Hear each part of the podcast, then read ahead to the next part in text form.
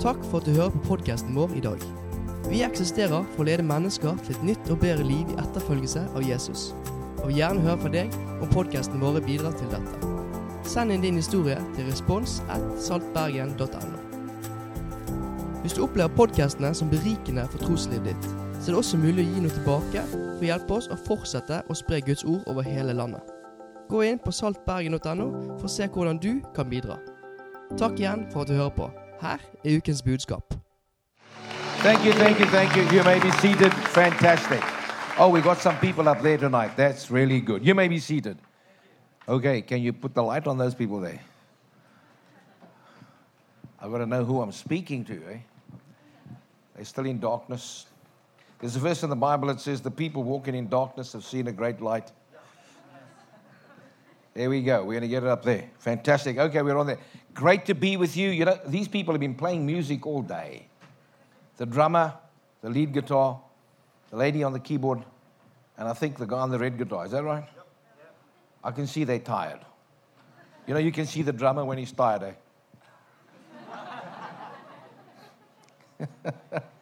can I get some amens out there? In all seriousness, we should appreciate people. Think of it. They don't get paid to do this. It's an act of service. To all the worship people, all the organizing people, all the people who serve. It's a powerful thing. Uh, it's sacrificial, and uh, the church always needs to appreciate those who serve. Amen? Amen? Fantastic. So God bless you, and to my very good friends, Oystein and um, Gina. Is it, you say Gina, huh? But whenever they talk to me, they say Gina. I think it's because you think I'm American or something. Or Italian, huh? Italian, Gina Lollobrigida. There you go.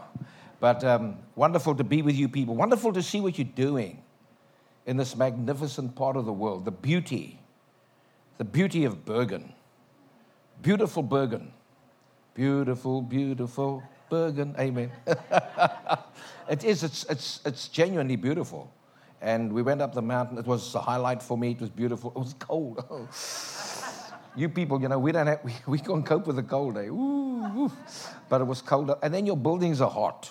What's the matter with you? Like, can't you make it just better than cold? Like, you, you, put, you put all your clothing on and then you take all your clothing off. And then you put all your clothing on and then you take all your clothing off. It's like crazy. You feel like you're a schizophrenic, you know, Dr. Jekyll and Mr. Hyde type of thing. And in and out. But anyway, seriously, lovely society, beautiful people. Um, you're so nice. You're such, seriously, you're like nice people. We horrible people. South Africans, we're like rude, you know. Uh, you're such, you, you, you're polite, you're nice, you're kind, you're so correct. You almost freak me out, you're so correct. You know what I'm saying? Like, like do something wrong.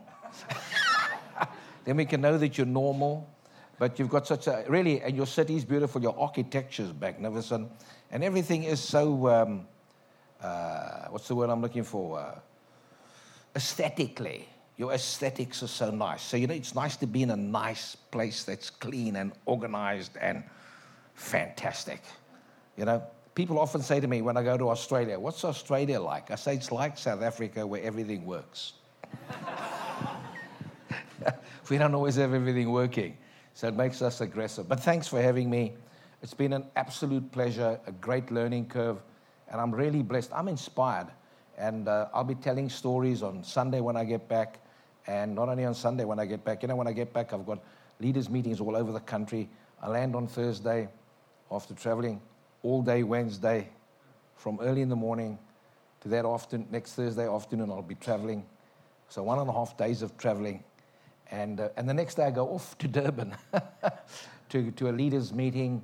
And, I have a, and I'm going to share stories, uh, your stories, because stories just motivate people, encourage people and it's good to see that other people somewhere, like you, are in that nightclub, I love it. And, and we're all in a building project. We're all running out of space, and we have to have five services on a Sunday. And we're moving to six next year. And I mean, you know, at my age, six services, you got to like, you know, you got to take something halfway through the day, you know?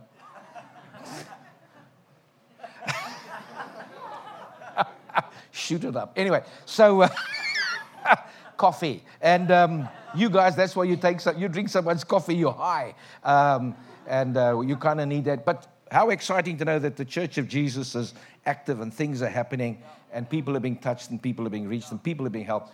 It's fantastic. Oh, long introduction. Well, I want to speak on the subject of being recovered. And I'll tell you why. You know, this year has been a, last year and this year, uh, difficult years for me. Not because I'm struggling, but just because I feel like I'm living in a world that's in trouble. Like never before, I feel the world's in trouble. Um, and I haven't been on the planet long, but I go, hang on a second. Things don't look good. You know, we've got political things changing all over the place. We've got climate change, political change, economic change. Um, all over the world, people are trying to cope, make things work. Uh, th- things don't seem to be good. I mean, in our country, they're burning down universities. You know, where my grandkids going to study, how they're going to study, what's, what, you know, two, two of the top universities in our country, top, top, top universities, it would just drop 20 and 29 points in global rating. Just like that. And, and you go, hang on a second, you know, where does this all end? And it's easy for me to say, it's okay, you know, I'm 66, one of these days I'll be gone. No, no, no, I've got grandchildren. What about them? And so all over the world, people are, people are worried, people are concerned. You know, the Baltic regions, I'm sure they're concerned.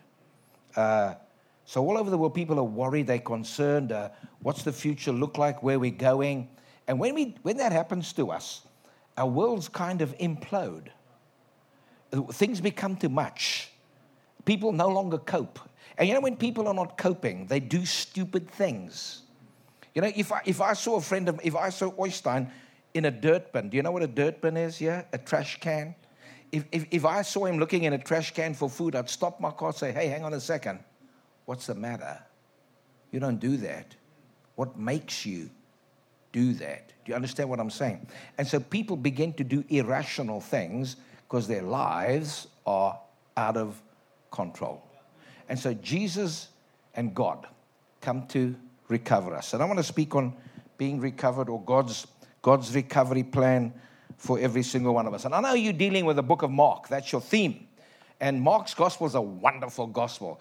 It's actually, it's actually Peter's preaching. It's a recording of Peter's preaching. Mark was his traveling secretary who wrote down what he preached. And so, you want to know what Peter preached? Read Mark. And uh, so I know you're going to be dealing with Mark, and this is a glorious verse that Mark gives us. Uh, Mark 10 43 says, For even the Son of Man did not come to be served, but to serve and to give his life as a ransom for many. What a powerful verse. He didn't think of himself, it wasn't about what he was comfortable with. It wasn't about what my rights are. And, you know, this is about me. It wasn't about, you know what, I'm going to just do this undercover. It wasn't Norwegian. Wasn't very Norwegian. Can I, can I get an amen? It's like, hang on a second, maybe okay for me, but it's not okay for them. You know what? It's not okay until it's okay for everybody. This is not just a private matter, this is a universal issue. I need to come and rescue people. I need to forget about what my rights are. And so Jesus becomes our ransom, our losapenga. I don't know if that's how you say the word, but I'm sure you can understand, eh? Losapenga. Uh, and I think it's got to do with buying you loose.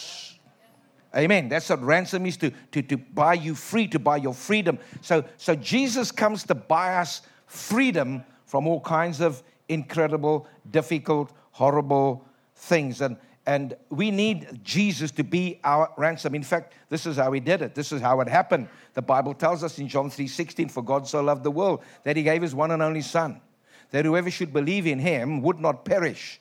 And the word perish actually means wouldn't go lost, wouldn't get lost. So, so if you believe in Jesus, you won't get lost. And you will get eternal life.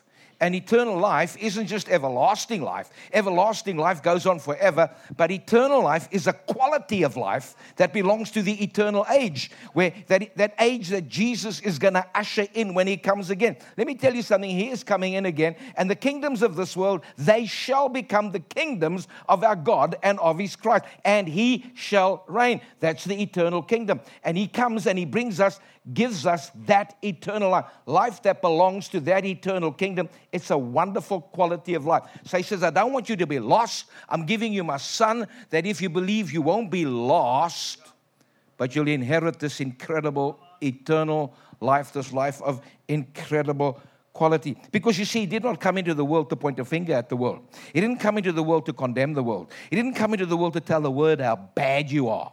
And you know, the Christian church for too many years has been so good at telling the world how wrong it is and how bad it is. But Jesus didn't come to tell the world how bad it is, He came to love the world and save the world. And that word save, sozo, is the Greek word for save, and it means to make whole, to put together. So Jesus comes to buy us out of our sin and put us together and make us whole the way God intended. Why? Because the prophet Isaiah tells us why. Because the prophet Isaiah says, All we like sheep have gone astray. We've gone each and every one of us to our own way, and the Lord has laid upon him the iniquity of us all. You see, sheep are stupid. Eh? No, they are. Sheep don't think. Sheep get lost. Sheep have to be locked in to a pen, otherwise, they'll, they'll, they'll wander off into trouble. And we all, like sheep, have gone astray. Each of us has gone to our own way. We know better than God. I know better than God. Don't you tell me, God. I'll do my way, my thing, my way. Leave me alone. And we end up going astray. And in order to buy us back, he has to lay upon him the iniquity of us all. So you see, Jesus buys us free by paying the price for our iniquity. To get us out of the trouble we end up in. We need to understand the meaning of this thing of being lost. We're all gone astray, we're lost. Luke chapter 15 is the lost chapter. It speaks of three lost things. Jesus speaks of a lost sheep, a lost coin, and a lost son. And when Jesus says these things are lost, what he's trying to say is they aren't where they're supposed to be. And when you and I get lost, it means we're not where God intends for us to be. God has a purpose for our lives. And when we are not where God wants us to be, we end up being lost. This sheep got lost. Why? Because it wasn't in the sheepfold. The farmer didn't say that. The shepherd didn't say, oh, well, it's okay. I got 99 others. It's, uh, he wants to go. Let him go. No. He went looking for him. He didn't want, he didn't want one to be lost. He didn't want one to be not where he's supposed to be. The, the, the, the coin that fell off the woman's uh, uh, bracelet was lost. She didn't say, oh, well, that's okay. I got, I got a whole bracelet full of, full of coins. I don't need that coin. No, no, no. I'm going to light a candle. I'm going to get a broom. I'm going to clean this room till I find I have to. That, that, that, that, that, that coin has to be here somewhere. I have to find it. It's lost. It's not where it should be. And that son, the father could have said, Oh, really? You, that rebellious son, you went off. You took my money. You took the inheritance. You went and spent it on prostitutes. And now you're living amongst pigs. You know, Jewish people should not be hanging out with pigs. He didn't say to him, It's okay, you can go. That's, you know what? You've got what you asked for. You deserve it. He said, No, no. I want you to come home. I'm standing on the porch every day. Son, come home. There's something, you know, there's something we don't understand about that story. I know a man who was a missionary in the Middle East in Lebanon. And he wrote a book on that story, and he called it The Father Ran Also. Because you see, in Eastern culture, older men never run. That is disgraceful and humiliating. You walk with dignity. And when that man ran, he was humiliating himself to get back the son who wasn't at home. And so God wants every one of us home. You see, each of us in this room, there could be people who got lost like sheep why do sheep get lost? Because they're careless, because they don't think, because they're naive. You know, you get nice people that are naive, that are silly, that make wrong decisions, that make wrong choices, that get into the wrong relationships. People warn them, they don't listen, and they end up in the wrong place. Maybe tonight there's someone like that here. Maybe you've been that kind of person, or maybe you like that coin on that bangle, on that, on that, on that bracelet. You know, that, that, that coin got lost through no fault of its own. Circumstances is what determined that coin's position. And there are many people in this world, they end up somewhere angry with God, cross in the wrong place with the wrong attitude because of circumstances. Maybe someone's lost their job, they've lost their business. It's not their fault. The oil price dropped. Maybe someone's involved in human trafficking. Maybe they believed someone and they were stupid and they find themselves in a place where God didn't ever intend for them to be. They are lost. And so we get lost for all kinds of reasons. But you know, some of us are like that son. We are absolutely committed to being lost. We are woeful, we are sinful, we are rebellious, and we say to God, Blow you. Don't you tell me what to do. I'll do it my way. And we end up in a bad place. But whatever your reason or condition, Jesus wants you to know that He wants you back where you are meant to be. Isn't that a fantastic thing? He doesn't criticize, he doesn't condemn. He says, Let me go and find that which was lost. And so uh, the Gospel of Luke, Luke writes to us in Luke 19 10, and he says, For the Son of Man came to seek and to save that which was lost. And those three stories tell us that God is a seeking God. He leaves heaven, He incarnates Himself. I don't know what the Norwegian word for that is, but He incarnates Himself. He takes upon Himself our condition, our situation. He comes looking for us. He, you know what? He, he, he, he, makes absolutely sure that He can find us. And, and, and the God who seeks speaks of the God who is missional. And we should be the church, we should be missional like God. The church should be God incarnated in the community. The church should be mission like God. And so God comes seeking us, looking for us, trying to find us. Let me say this to you. People say, I found God. No, you didn't find God. Forget it. God was never lost. We were lost. And God finds us. You see, friend, you and I don't wake up one day and say, Oh, I want to, I want to find God. You and I can only respond to the fact that God's coming after us. And when He finds us, He saves us.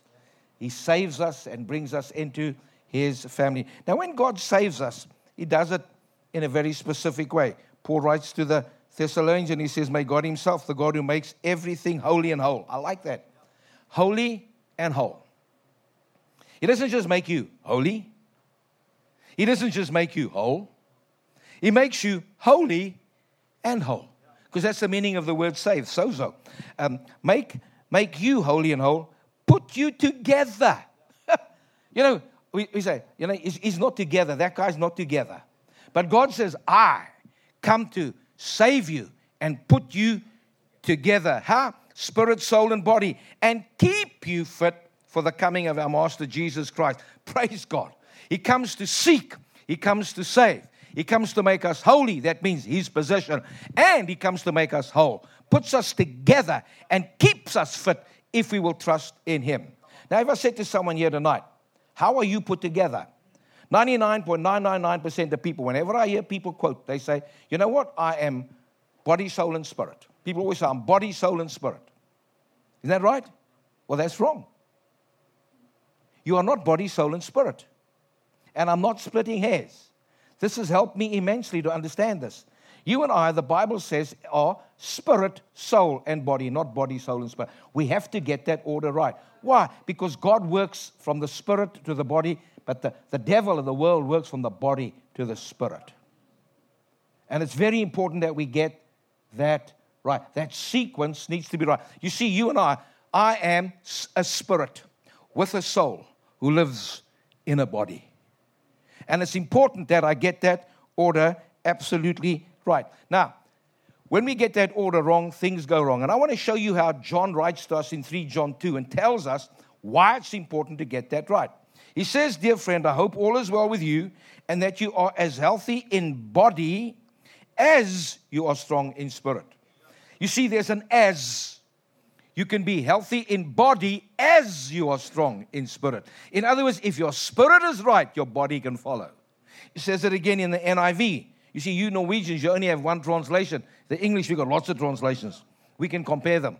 It says, Dear friend, I pray that you may enjoy good health and that all may go well with you just as you are progressing spiritually. So our spiritual progress determines how well we are, not the other way around. The King James puts it nicely Beloved, I wish above all things that thou mayest prosper and be in health, even as thy soul prosper. See, when our souls are prospering, our lives are prospering. So it's important to get the thing the right way around. I need to make sure that spiritually I'm right. Then emotionally and physically, life will follow in that order. Can I get an amen out there? And it's crucial. See, when I'm lost, it means those things are out of control. And because they're out of control, I lose my way. I lose my way, I'm not where I'm supposed to be. I end up lost. God says, if we can fix the order of things up, we can get you sorted out again. And you see, you and I need to get that stuff sorted out. I've been rescued. I've been recovered. I got saved 40, 40 odd years ago, 43, 44 years ago. But guess what?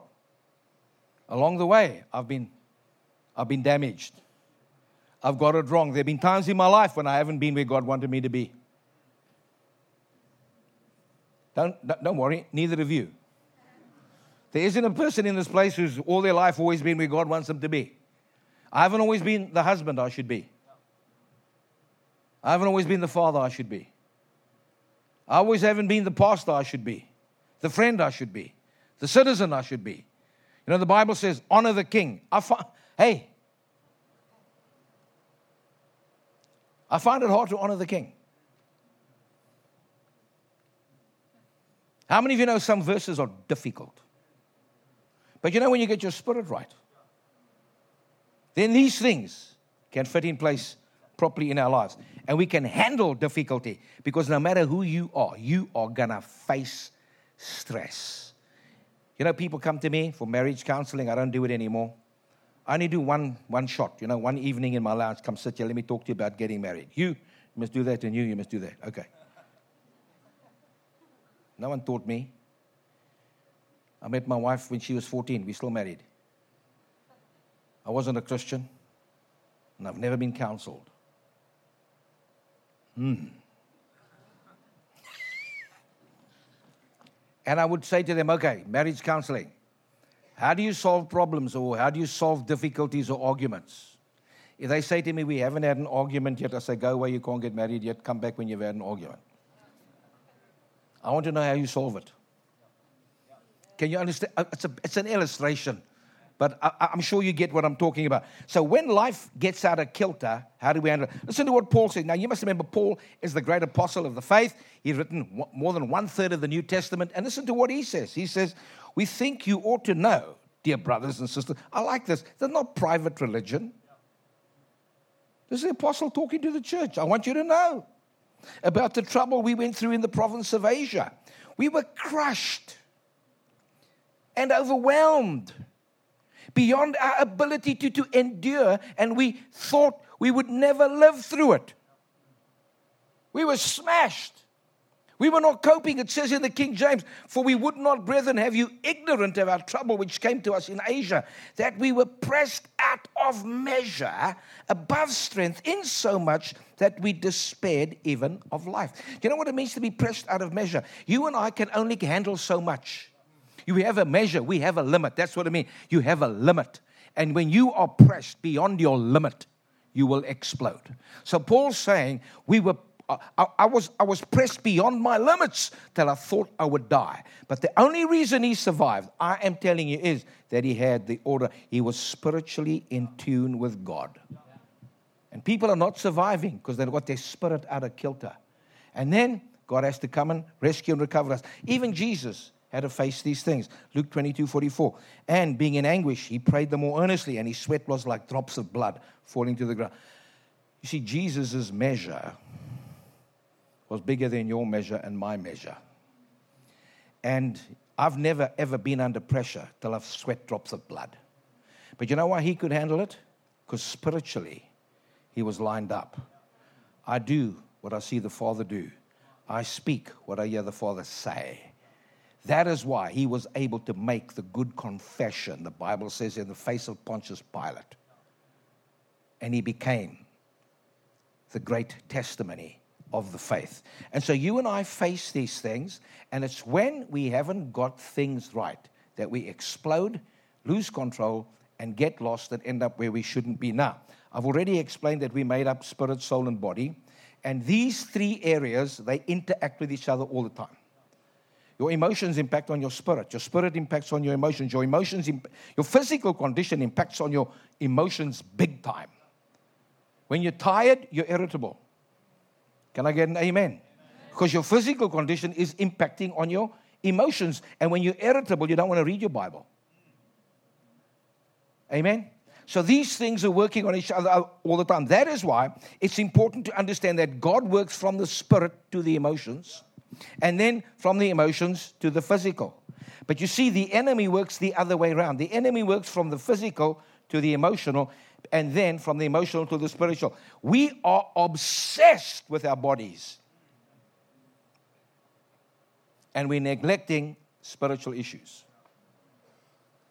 We give our physical condition way more attention than our spiritual condition. Come on, I need some amens out there. And that's an absolute fact. So we need to be absolutely careful of these things. And when we get the thing wrong, what happens is that these things just spin out of control. And when they spin out of control, they explode. And we, this is a phrase I use, we lose the run of ourselves. I'm no longer in control. I am not running my life. I don't know about you, but I lose the run of myself. I'm, I'm totally out of kilter. I've just absolutely had enough. I find that I need Jesus to come to my aid. Let me tell you something. I get to a place where I couldn't care what's going on around me. I'm just forget about it. I'm not even interested. Don't talk to me. But you know what Jesus says? Jesus says, Are you tired? My answer is yes. You don't have to answer. I'm, uh, me. Donovan, are you tired? Yes. Lord, I'm very tired. Lord, I've had it. I've been away for a month. I've had a busy year. I've preached, I don't know, maybe 300 times this year. I don't know how many times I've preached. Summer holidays coming. I can't wait. You, know, you, you need to understand, I used to run ultra marathon. I'm like the guy who's going, I can, I can, I can work it out. There's not much further to go now. I've only got four more Sundays to preach and then I'm on vacation. Lord, I'm tired. He says, Are you worn out? Absolutely, I'm worn out. I, I confess it. Are you burnt out on religion? Not yet. But I am, I, I am finished. How do I know I'm finished? Well, you know, when, as I said, I used to run marathons uh, 24 years ago when I was 42. I was an ultra marathon runner. I used to be up three o'clock in the morning, running three hours before the family even wakes up. Ah, nice and fit. Now I get up at the same time. I look at my running shoes. I say, ah, forget about you. I don't have the emotional strength and energy to go out for a run. Have you been there? I go out into the garden. I see my plants. They need water. Your plants don't. I think to myself, I need to water these plants, man. They're going to die. Die. I see the dog, its bowl's empty. Ah, die. I'm not joking. My wife better feed the dog. Are you all with me? You get to that place where you just want to. Listen to what Jesus says. Come to me. Thank you, Jesus. Get away with me, and you'll recover your life. I'll show you how to take real rest, walk with me, and work with me. I'm like, I thought you said we're going to rest. Now you want me to walk with you and work with you? He says, Yes, because if you do, you will learn the unforced rhythms of grace, and I won't lay anything heavy or ill fitting on you. Keep company with me, and you'll learn how to live freely and lightly. Number one, God comes to recover us because we're unsaved and lost. But even after we've become Christians, we end up lost. We end up losing control of things. Can I get some amens there? You know what he says to you and me today? Come. You know what we need to do? We need to come. Friend, you need to always make sure you're here when it's communion. Communion's your opportunity to reflect. Jesus said, Do this in remembrance of me. Communion service is the opportunity for me to get my spiritual life aligned with God again. And you and I need to make absolutely sure that we do that. You see, when we do that, we get our lives right then we are concerned about other people whose lives aren't right. You know, too many of us are not concerned about other people. This is what James writes and says to us, my dear friends. If you know people who have wandered off from God's truth, don't write them off. You know, when me, when people wander off, I say it's your fault. Off you go. No, no, no. Jesus says, don't write them off. Go after them. Save them. Recover them. You've been recovered. Now go and recover them. You will save precious souls and prevent an epidemic of people going astray. That's what God wants you and I to understand. So it's a wonderful thing. I get saved. I come to God. He puts me together. I get the order wrong. I begin to lose control of my life. Then He calls me back. Then I sit around the communion table. God helps me to think about where I should be, gets me restored. And then He says, Hang on a second. Don't just chill and rest here. No place to rest. Remember others who have gone astray. Go after them and bring them back as well. Can I get some amens over there? You see, John 3:16 says, For God so loved the world. But 1 John 3:16 says, This is how we know what love is. Jesus Christ laid down his life for us. And we ought to lay down our lives for our brothers and sisters. Are we caring about other people? Say, no, it's not my business. Yes, it is. You know, I want to be rude, you know. Norwegians go, it's not my business. Yes, it is your business. We are our brother's keeper. We should be concerned about one another. But what about the world? The world is in massive trouble. What are we doing about it? I'm going to play you a clip, and I hope this, uh, this can speak to you like it spoke to me. Let's watch this as we dim the lights. That's the cry of the world. And the only place we can hear that cry is from the world. We've lost touch with the world. They're not where God wants them to be. And all of us have got, this thing affects me. You know, i have watched that. It's not the whole clip. I've only given you a bit of it. I watch it over and over. I know image the image the image. And I'll watch it over it moves me. Because it's not okay if I'm okay.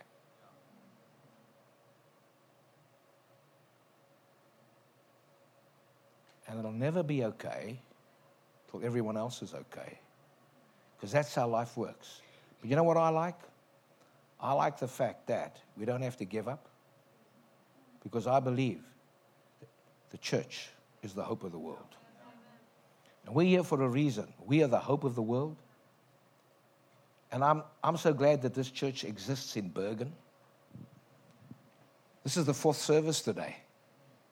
People's lives touched, people changed, people finding hope and people finding freedom, people reaching out beyond themselves, doing church services, energy, money, effort, giving their time, their talent, and their energy. Why? Do we do church just because we like it? No, it's not about liking church. It's about doing church in such a way that we reach a community, that we touch people, that we don't just touch people in our own little city, but we reach out beyond our own Jerusalem into our Judea, even beyond Judea into Samaria, even beyond Samaria, as we've heard today, to the ends of the earth. As a church, you're, you're not just concerned about people in Bergen, you've got a global vision. People killing, people dying, people matter, God's in the recovery business. I've been recovered. I need to be concerned about those who are not yet recovered. And let me tell you something there's more than that happening. We just come from a conference of church planters that your pastor leads. Your influence goes way beyond just local. It's about raising up church planters to change a nation that'll change continents. You know, we need to start thinking that God can recover people. And you know what I believe? That God so loved the world, gave us His love, so that we can know the love and we could show the love. In Jesus' name. God bless you, Saltbergen. I know God's going to do something enormous from this church. Amen.